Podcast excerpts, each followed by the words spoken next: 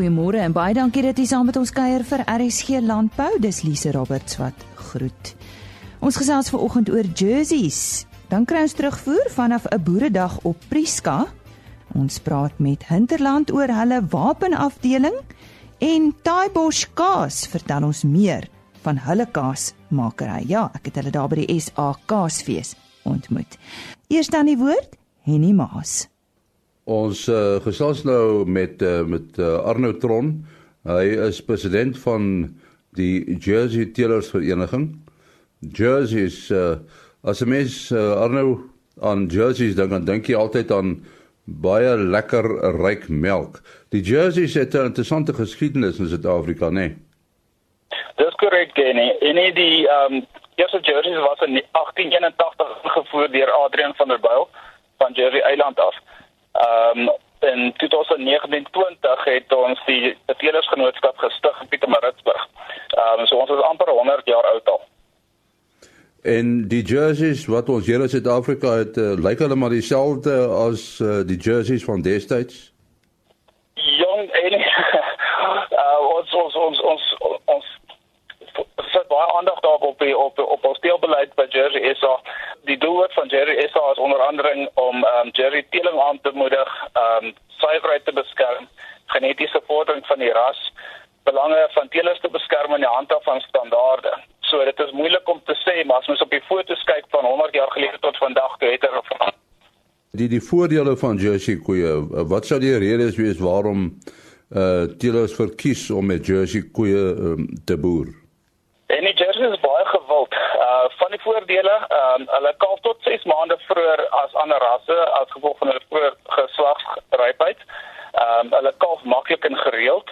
Hulle is hittebestand. Ehm um, hulle is aanpasbaar en baie maklik hanteerbaar oor hulle baie goeie temperament. Ehm um, hulle produseer meer bottervet en proteïen per hektaar of kilogram voer as enige ander uh, ras. Ehm um, en hulle melk lewer tot 30% meer kaasopbrengs as as gewone melk. Jy het nou al iets gesê oor maklike kalwing. So daar sou iets anders aan aan, aan die Jersey se pelvis? Nee? Dit is reg. Ehm um, dit is dit anatomies is is dit is duidelik dat die Jersey se pelvis van so aard is uh vir 'n maklike uh, kalwing. Ehm um, die rede daarvoor hulle draadbene vorm 'n hoek van 90 grade tot die sitbene en die heupbene. Ehm um, en die kalwers is gewoonlik klein met geboorte. En dan die hele kwessie van velpigment. Ja ja ja. Ehm um, dit is dis 'n ander voordeel van van die van die ras. Ehm um, as jy Jerry se se hare sou afskeer, sal jy sien al al vel is is baie baie donker. Ehm uh, die voordeel daarvan is dit is feitelik baie min of uh of of of geen ehm um, geen risiko van van kanker, oogkanker of velkanker nie. En dan die temperament van jerseys, dis nogal bekend, né? Nee? Dit is so behalwe die bulle. so ehm um, nee, hulle is baie gewild, is maklik hanteerbaar en omdat sy 'n kleiner bouvorm is, uh, maklik in by intensiewe bestuurspraktyke. Ehm um, ja. En en jersey melk, ons het daar in die begin gesê dat eh uh, jersey is eintlik uh, van wie hulle melk bekend is. Ehm um, hoekom word Jersey melk verkies bo ander uh, beeste se melk? Wat sou die redes wees? Uh en nie ehm um, as gevolg van 'n hoë bottervet en proteïen op uh op uh, produksie. Ehm um, kry hulle tot uh, tot 50 kg meer bottervet per hektaar en 18 kg meer proteïen per hektaar. En dan kan tot 0,3 koeie meer aangehou word op 'n weidingsisteem as as as die groter ram uh, rasse. Ehm um, as mens net kyk na hulle melk self, daar's 'n paar feite. Ehm um, die gewildheid is ehm um, jy kan 20% meer voedingswaarde as gewone drukmelk ehm um, of jersey melk. Jy kan 22% meer cheddar opbrengs kry op jersey melk, 20% meer mozzarella, 31% meer botter 9% meer afgeroomde melkpoeier, 20% meer kalsium, 25% meer bottervet en 16% meer proteïen. En en die Jersey ras in Suid-Afrika, is hy algemeen oor die algemeen wyd versprei? Hy is wyd versprei. Die grootste konsentrasie is natuurlik in die Wes-Kaap, ehm um, waar hy baie populêr is. Ehm um, Suid-Afrika het interessant genoeg die, die groot tweede grootste jersey populasie ter wêreld na die uh, na Amerika. So ehm um, voornemende jersey boere kan betrokke raak ook by klubs, né? Nee? Dit is korrek. Ja, ons is redelik wyd versprei oor die land. Ehm um, jy kan op ons op ons webtuiste jerseysa.co.za is is al inligting beskikbaar en ons ons moedig almal aan om ons om, om betrokke te raak. Ja, ons sê baie dankie vir daardie gesprek met uh, Arno Tron. Hy is die president van die Jersey Teelers Genootskap hier in Suid-Afrika. Natuurlik het hy gepraat oor jerseys. Dankie Annie en hy gesels 'n bietjie later met Hinterland. Ons medewerker Koos de Pisani het 'n NWKV Boeredag op Prieska bygewoon. Met tegnologie beskikbaar, kan 'n boer die lewe vir homself baie makliker maak. Willie Kreer van RFID Experts Africa is hy was een van die sprekers tydens 'n nasionale wolkwekersvereniging Boeredag wat op Prieska aangebied is. En ek het by hom gaan aanklop om meer uit te vind oor beskikbare tegnologie. Willie, baie produsente kyk na die nuutste tegnologie om hulle boerdery te inkorporeer. Ehm um, wat bied RFID aan? Ons bied vir die boere 'n presisieboerdery stelsel, elektroniese plaatjies wat jy in jou diere se ore sit. Uh elektroniese readers waarmee jy jou jou plaatjies kan lees, waarmee jou inligting intrek. Ons readers en ons skaal, ons XR 5000 uh True Test um skaal wat ons gebruik uh, kan is ge, geïntegreer of kan integreer met die uh verskillende programme wat die wat die boere gebruik. En en dan die die die versameling van data uh, word dit makliker gemaak met die elektroniese plaatjies en met die met die lesers wat jy al jou elektron wat jy jou wat jou inligting op op laai vinniger werk uh papierloos en en jy hoef nie vanaand te gaan sit voor die rekenaar en te gaan tik jy trek daai inligting vir jou vinniger in en en is akkuraat jou plaatjies wat jy lees hier nie verkeerd nie want dit is 'n elektroniese plaatjie wat gelees word deur 'n masjien so dis dit maak nie menslike foute nie Nou, dit klink vir nou 'n mondvol wat jy nou sê. Dink jy dis koste-effektief om so 'n stelsel in jou in jou boerdery in te bring? Uh in aggenome die insetkoste om het, om te begin daarmee. As ek in my na my eie boerdery kyk, ehm um, het ek maar met 'n baie klein hoeveelheid skape wat ek die stelsel vir my ingesit het. En hy het vir my in 'n in 'n baie kort tyd vir my 'n klomp van my diere uitgehaal wat wat so onproduktief was dat dit nie vir my lonend was om daai diere in die in die kudde te hê nie. Eh, ja, die voordele van die presisieboerdery stelsel maak dat jy baie vinnig van onproduktiewe diere kan ontslaa raak.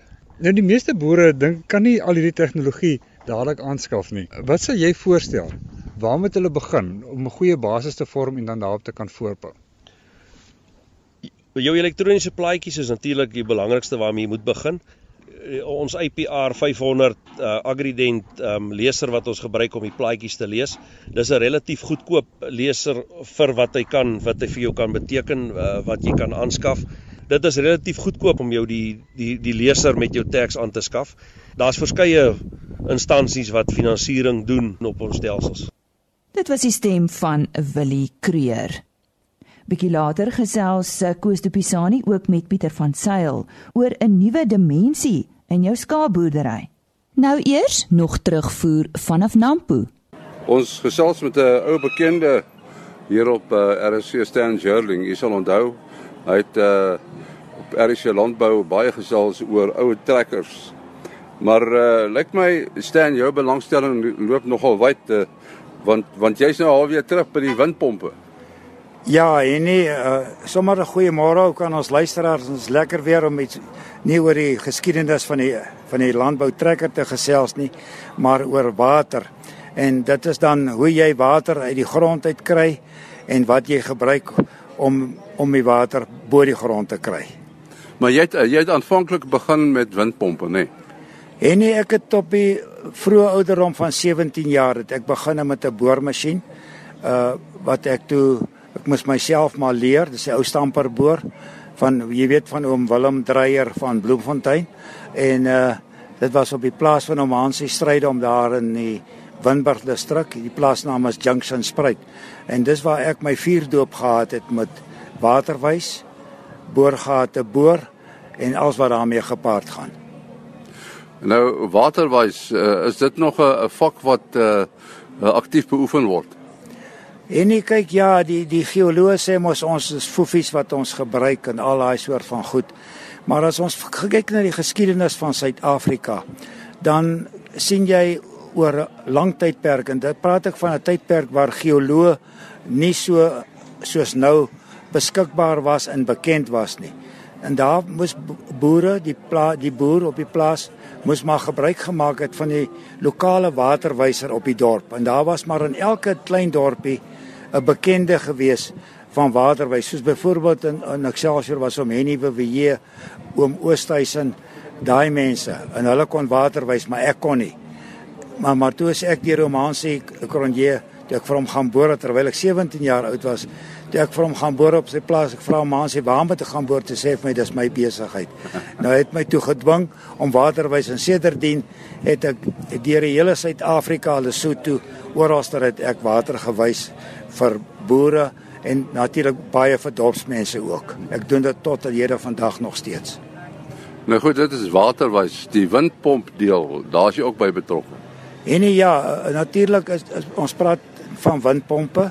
Dit is maar die ou prinsip om om water uit 'n boorgat uit te kry. Jy sal onthou ons het jare terug 'n program gehad ek en jy oor wat jy als met 'n windpomp kan doen. Maar ons gaan nou nie vandag daaroor praat nie. Maar die windpomp is 'n is 'n 'n instrument op 'n plaas amper onmisbaar, maar deesdae vat die sonpanele baie oor, maar omdat hulle die sonpaneel so gebind is aan hoë diefstal, uh, is baie boere maar nog steeds gebruik maar nog steeds die windpomp want hy's baie betroubaar en hy kan oor baie jare werk en hy is nie duur nie. Het die windpomp tegnologie verander so deur die jare? En nee, ja, daar het 'n bietjie verskille gekom. Ons het van die ou windpompe het ons gepraat van die radwindpomp wat met ratte werk. Deesdae is daar ook 'n wind die windpomp op die mark wat met 'n kortslag werk wat geen ratte het nie.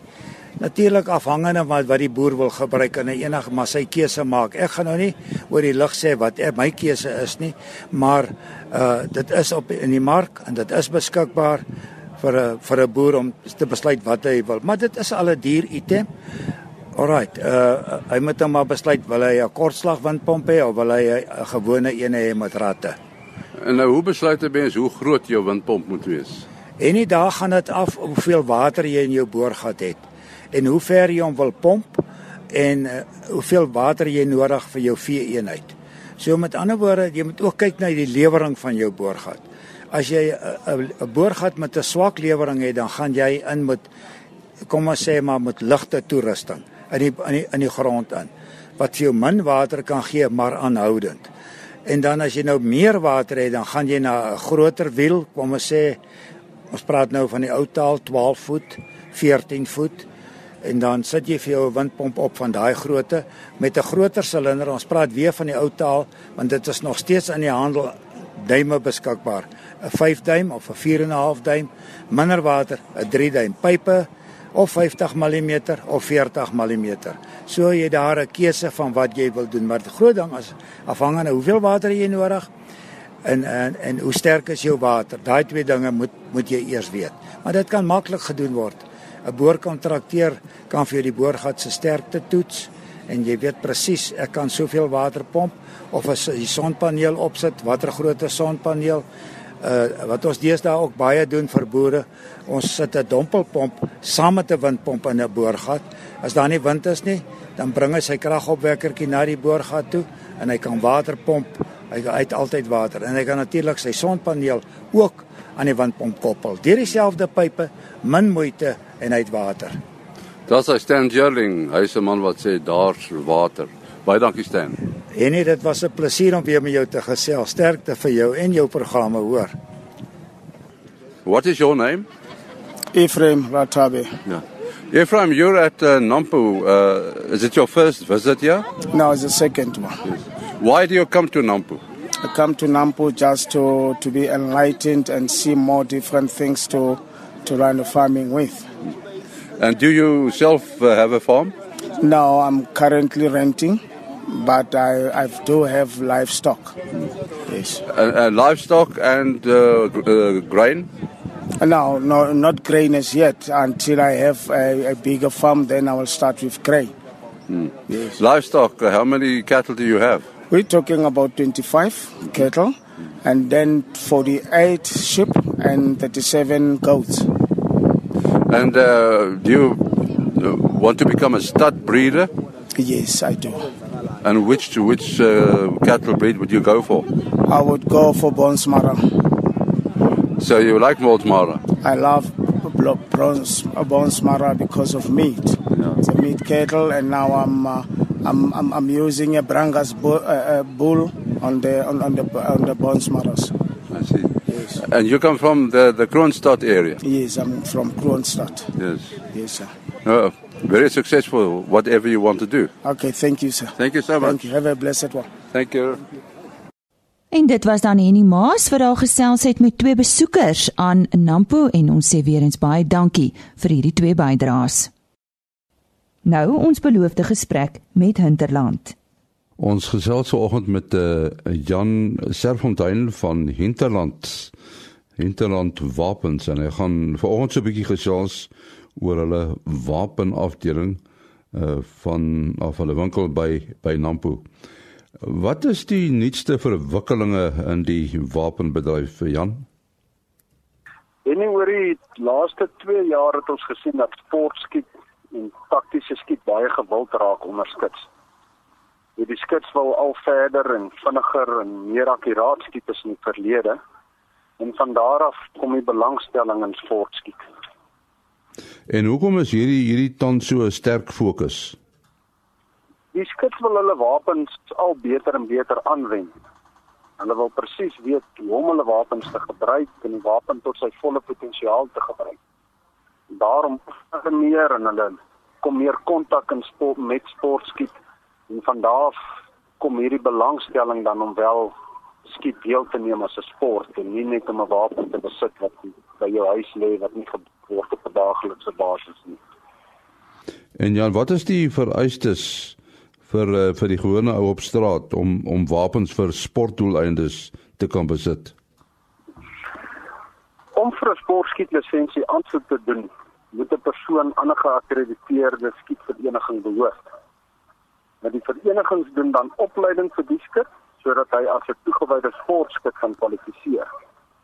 Nou sodra jy 'n toegewyde sportskit is, dan kan jy by die polisie aansoek doen om 'n wapen te besit vir sportskietdoeleindes. En en kan julle maatskappy 'n rol speel in die proses? En die interland wapentakke het wapenspesialiste wat by al die verskillende takke werk. Nou die wapenverkoopman kan dan 'n persoon help en hom adviseer om aan watter vereniging te behoort. Elke vereniging het 'n verskillende deel van sportskiet waarin jy kan gaan oefen, waarin jy jou opleiding kan doen en so kan jy dan in die regte rigting jou sportskiet begin en in die regte rigting jou sportskiet kwalifikasies kry. En en hierdie wapenwinkels van Hinterland, is dit landwyd versprei?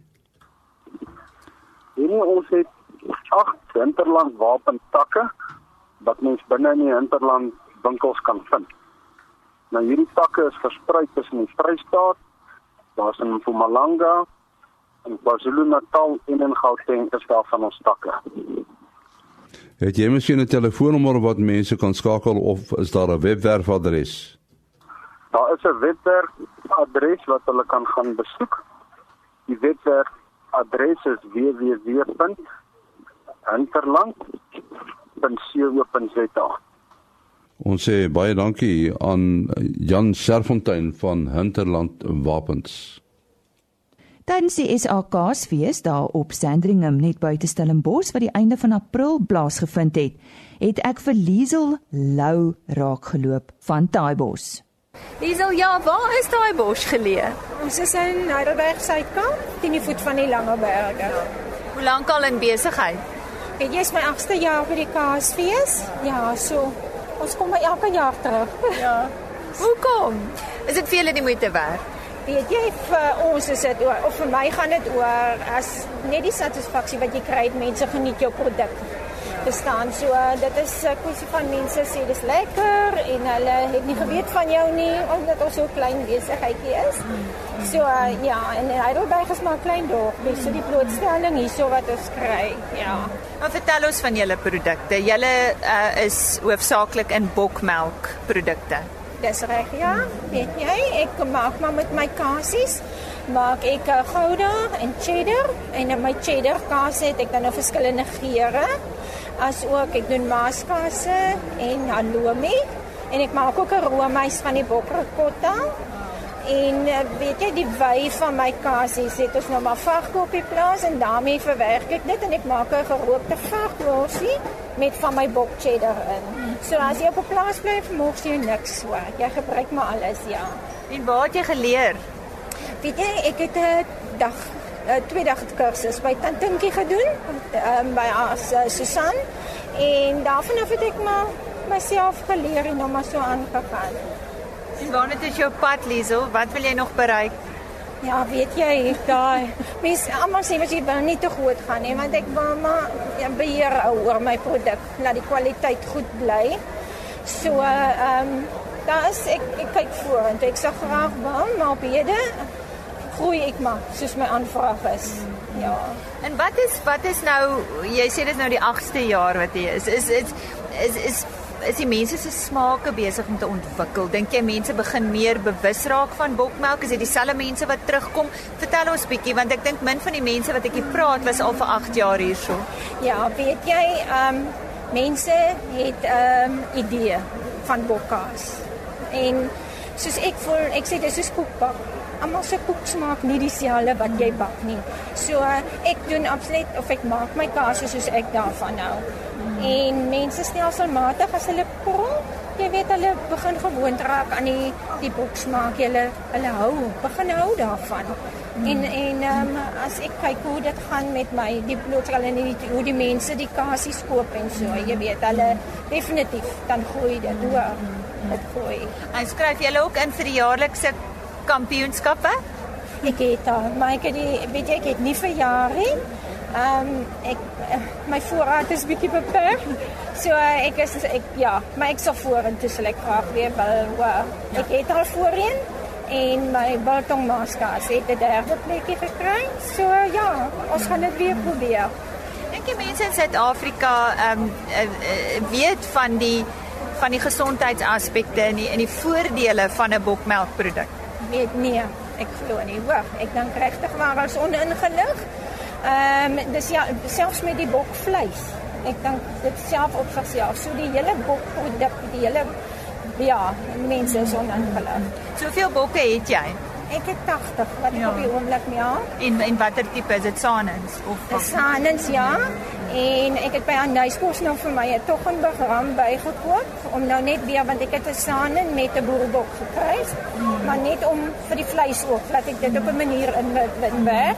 So my melk was nie so baie nie omdat ek nie 'n suiwer ras gehad het nie. Ehm um, ek is weer besig om terug te gaan uh, met die toggenbig wat ek nou inbring. So laat ek bietjie meer melk kan hê om te met kasies mee te maak, ja. En hoeveel mense is daar op die plaas wat jou help? Ek het twee vrouens wat vir my behoorlik ja. Dis maar ek en dan die twee vrouens saam met my in my kaasfabriekie. En 'n webtuiste as iemand dalk weer wil gaan lees oor jou kaas, het daar so iets? Nee, jy? Daai bos ehm um, en en dit is ook die maak van die kaas. Dis die maak van die kaas, ja. Ek het net 'n e-posadres en dis jfb@vodama.co.za. Nou sê ons het gepraat met Liesel Lou van Taaibos en dis die 8ste jaar wat sy by die Suid-Afrikaanse Kaasfees is. En ja, dis nie al vanaf die SAKsfees nie. Luister gerus gereeld na RSC Landbou vir nog talle bydraes. Ons sluit nou weer aan by Koos de Pisani. In die bestuur van 'n skaapboerdery begin al hoe meer veranderinge se kop uitsteek. Tydens 'n boeredag op Prieska het Pieter van Sail met die boere kom gesels oor veranderinge wat hulle aanbring om 'n nuwe dimensie in skaapboerdery te kan inbring. En ek het hom vorige keer om uit te vind, ehm um, wat veranderinge het hy in sy boerdery aangebring? Pieter, ehm um, watter veranderinge sal jy aanbring om hoër produksie te lewer op jou plaas? Ons sal met as gevolg van uh, veranderende klimaatsomstandighede het ons baie meer begin kyk na tegnologie uh beter bestuur in, in intensiewe lamstelsels. Jy het ook gepraat in jou praatjie oor 'n uh, laparoskopie. Uh, hoekom pas jy dit toe?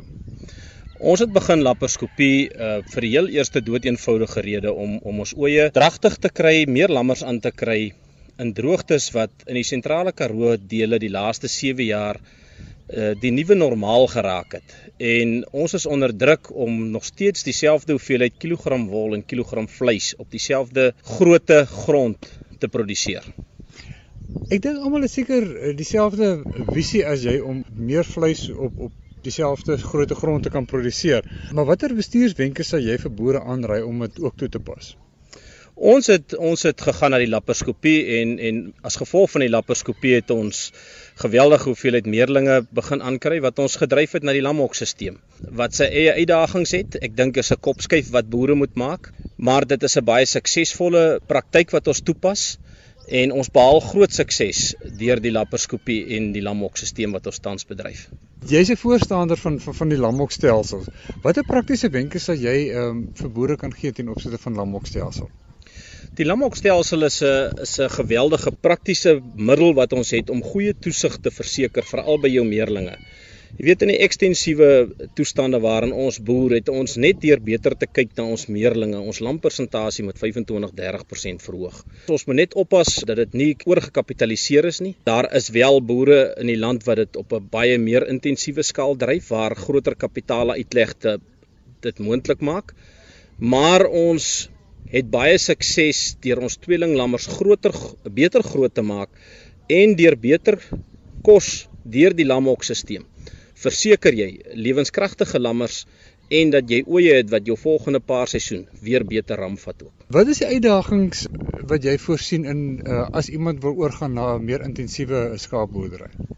Ek dink die belangrikste uitdagings, ek sê altyd eh, ek mens baie mense vra jy hoekom jy moet hom oortuig om lamhokke te hê. Ek sê altyd ek kan niemand oortuig nie. Ek dink elke boer moet homself oortuig.